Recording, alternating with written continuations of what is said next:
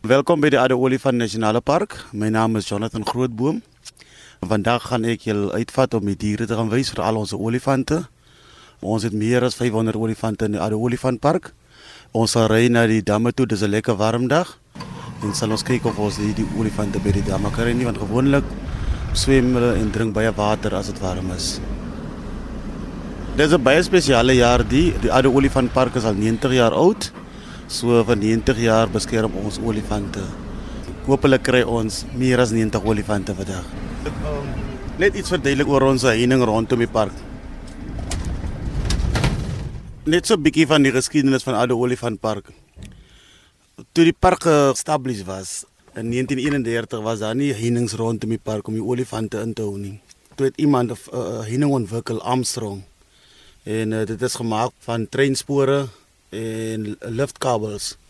So sins olifante kon nog nooit uit die olifantpark uh, ontsnap. Want dit is 'n baie sterk heining. Net een olifant het dit reg gekry. Hapoor olifant.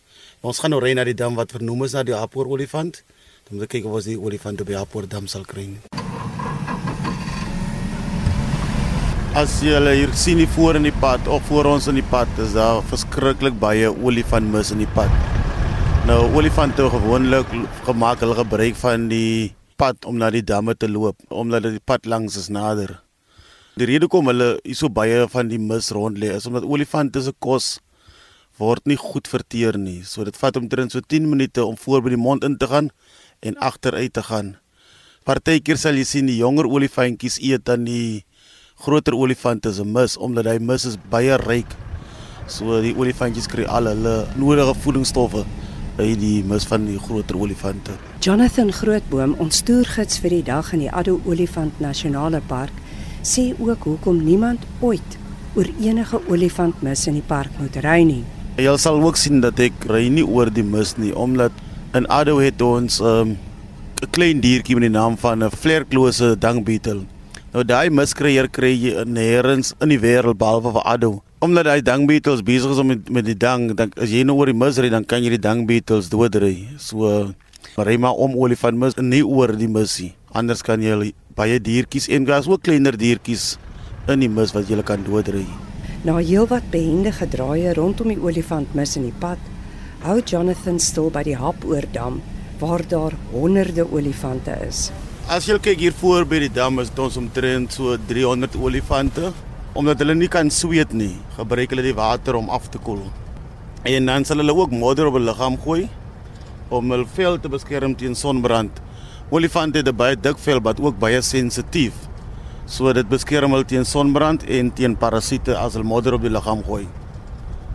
Olifante het ook verskriklik baie plooie op hul vel. So dat as hulle water op die vel gooi, dan gaan van die water in die plooie en dan gooi hulle modder. So dan bly hy plooie langer nat en die olifante bly langer koel. Cool. Jy sal sien dat die olifante aan die ander kant van die pad is daar so klein sementdammetjie. Die olifante sal daar drink en as hulle klaar gedrink het, dan sal hulle oorkom na die groter dam toe om te kom swem. So hulle sal nie hulle drinkwater vuil maak. O, hierdie is nou hulle swembad. Kyk hoe speel hulle. Ja, skyn dit maar 'n olifant swembad nie. So Dit is olifante, dit is hul manier van kommunikeer. Olifante Olifante kan ook kommunikeer met hierdie geluide en dan kan hulle ook met uh, lae frekwensie geluide kommunikeer wat ons nie kan hoor nie, maar hulle kan mekaar hoor.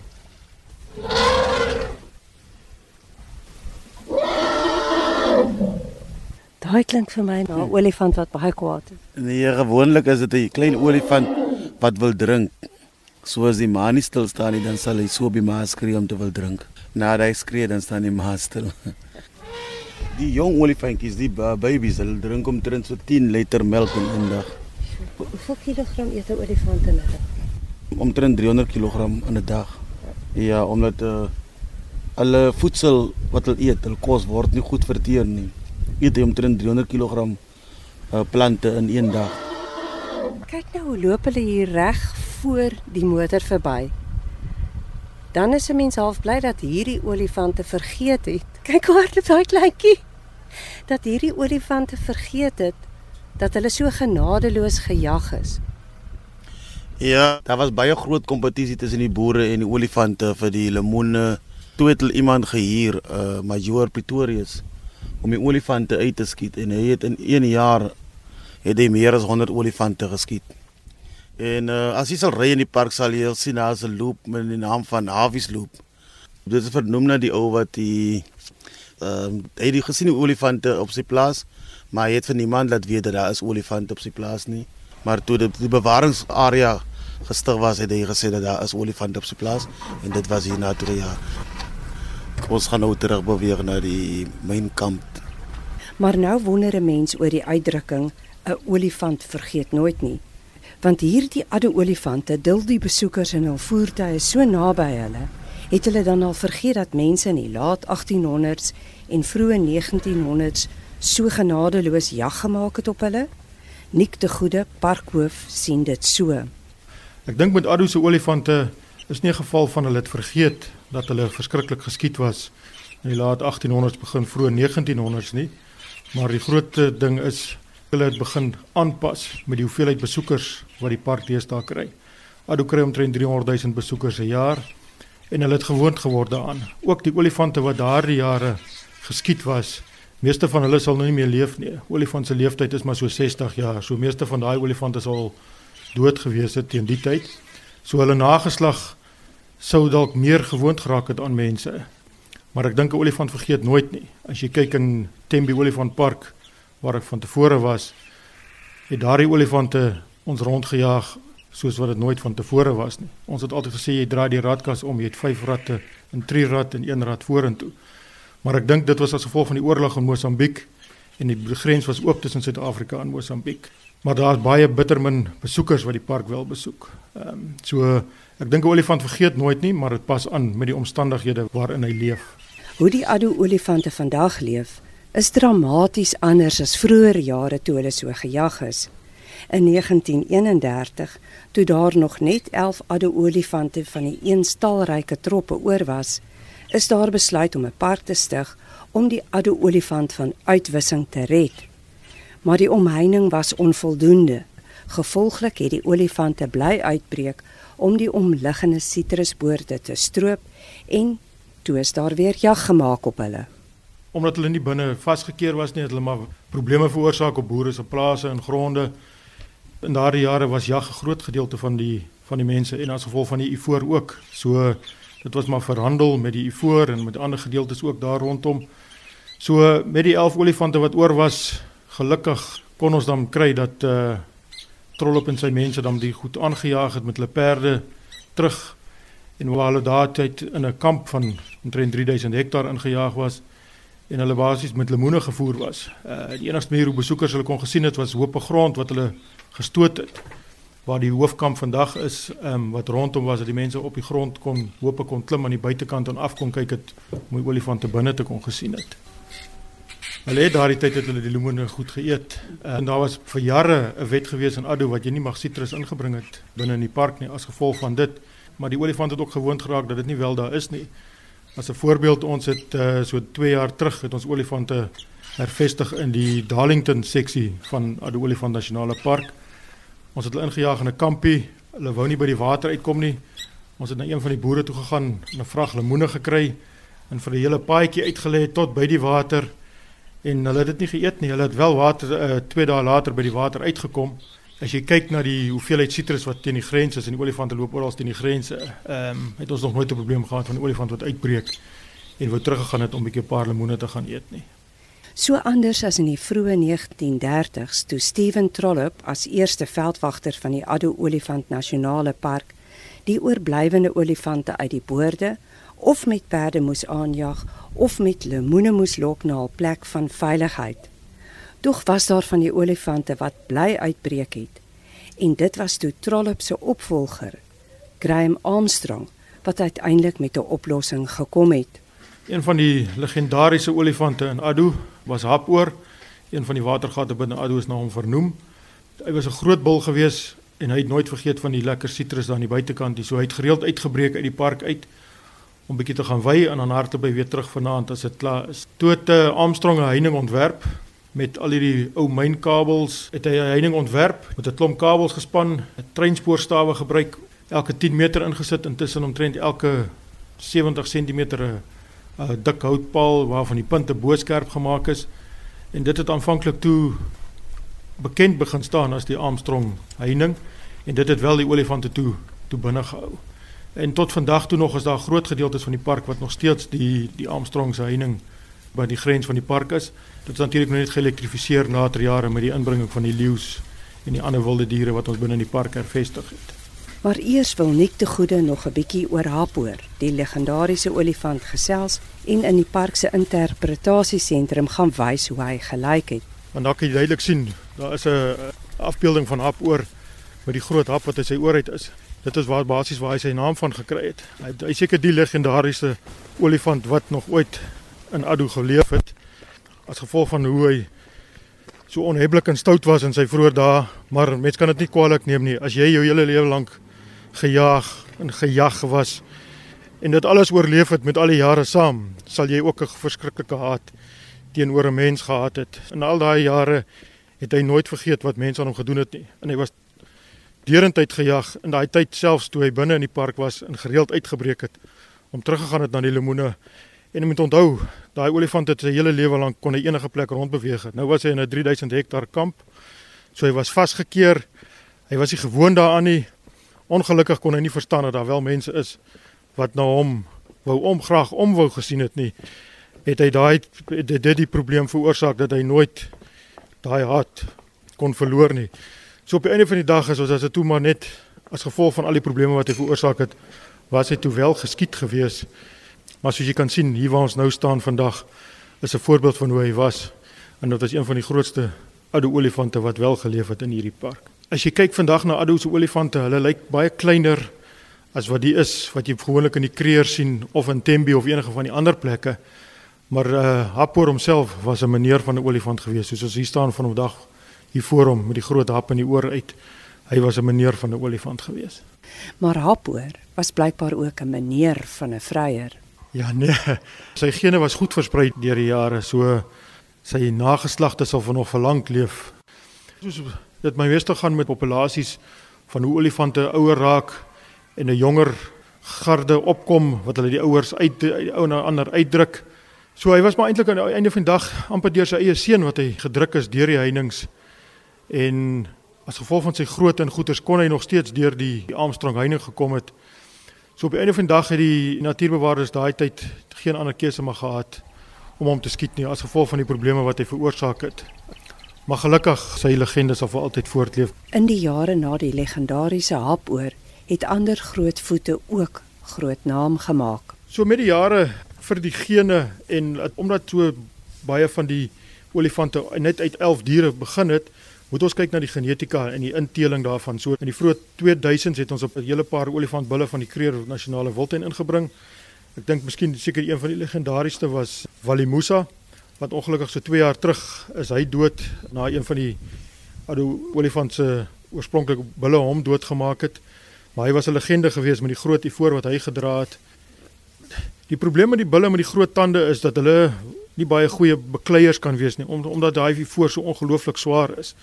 So met die jare saam en wat my ondervindings was in in Tembe Olifant Park is dis altyd die jong bulle met die kort tande wat maklik kan steek met die tande en hulle kan letterlik die ander in die kop of in die sye steek presies waar dit saak maak en hulle maak gewoonlik hierdie groot olifante dood. Maar dis maar hoe die natuur is. Dit is soos hulle altyd sê, dis die sterkste een wat sal oorwin op die einde van die dag is. Dis nie te sê as jy die grootste is, is jy die sterkste nie. Dit is die die beklei binne in die in die dier. Dis nie die grootte van die dier wat bepaal op die einde van die dag wie wen en wie verloor nie. Voldoende waterbronne is een van die belangrikste aspekte vir die olifant se oorlewing. Hiermee spook die park se bestuur vernaam omdat die park sy ergste droogte in nagenoeg 100 jaar beleef, sê Nik. In die hele Hoofkamp Colchester area is daar geen natuurlike water nie. Slegs wanneer dit reën, sal daar van in hierdie klei gedeelte sal daar poeltjies water staan waar daar wel water kan inkom of ou gronddamme. Verder pomp ons letterlik elke liter water in hierdie gedeelte van die park word gepomp vir die diere. Omdat ons ander belangrike spesies ook het binne in die park, kan ons nie net laat die olifante gedurende die water uitdrink nie. En So 3, 4 jaar gelede het Adu na kyk na 'n watergradiënt dat ons basies kyk waar olifante natuurlik sou voorgekom het binne die gebied en hulle probeer behou by daardie waterpunte.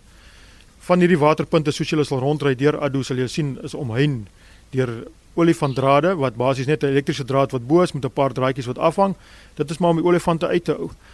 Dit gebeur ook nie altyd nie. Die olifant is 'n ongelooflike intelligente dier. Daar's van hulle wat letterlik kan kruip onder deur die drade. Daar was op julle Facebookblad, op die Addo Facebookblad, fotos Dis die eerste keer in my lewe wat ek gesien het of was dit 'n video van 'n olifant wat oor 'n goeie 5 meter kan leopard krol. Ja, dit was ongelooflik. Ek moet sê, ehm um, ons het my nogal gelag om te sê ja, Addo se olifante is seker baie militaristies want ek het nog nooit 'n olifant gesien leopard krol nie. En ek dink dit is een van die video's wat die vinnigste versprei het oor die sosiale media was van die olifant wat so gekruip het onder. Ek kan ook noem sy hy het 'n naam in sy naam wat wat bekend staan is sy naam is Bliksem. Die veldwagters spandeer meeste van hulle tyd om nuwe planne uit te dink oor hoe om hom te probeer bluf om in en uit te kom.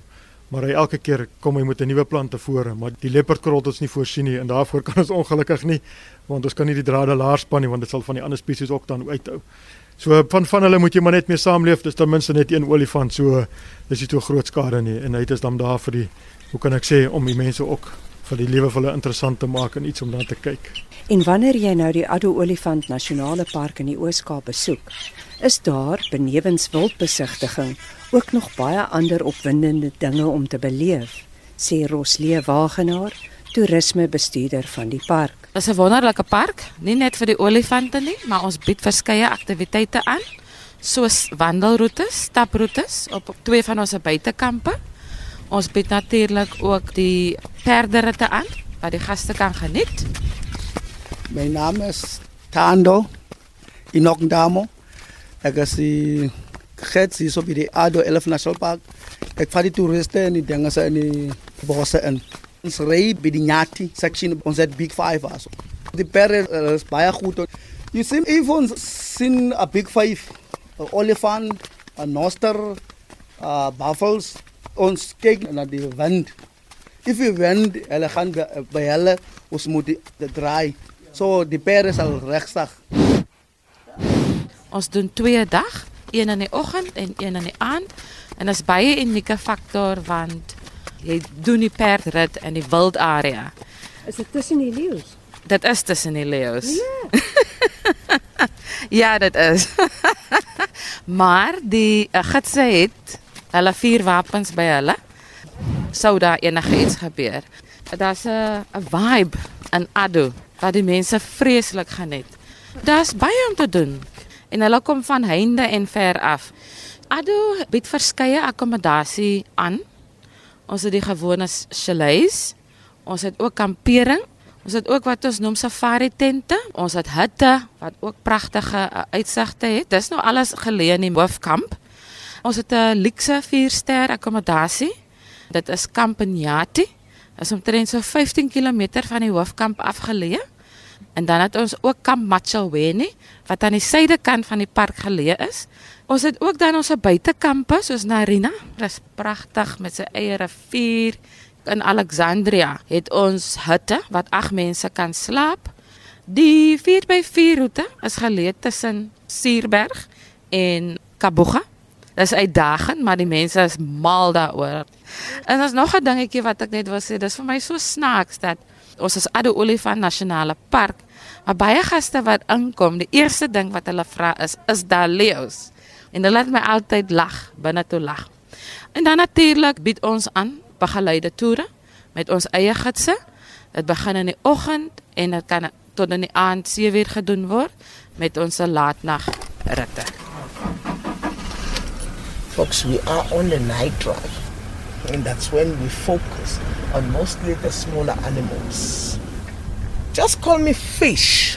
But I don't mind if you call me with my local name. You can call me Here we're gonna be looking for mostly the night active animals. From time to time I'm gonna be switching off my vehicle to here.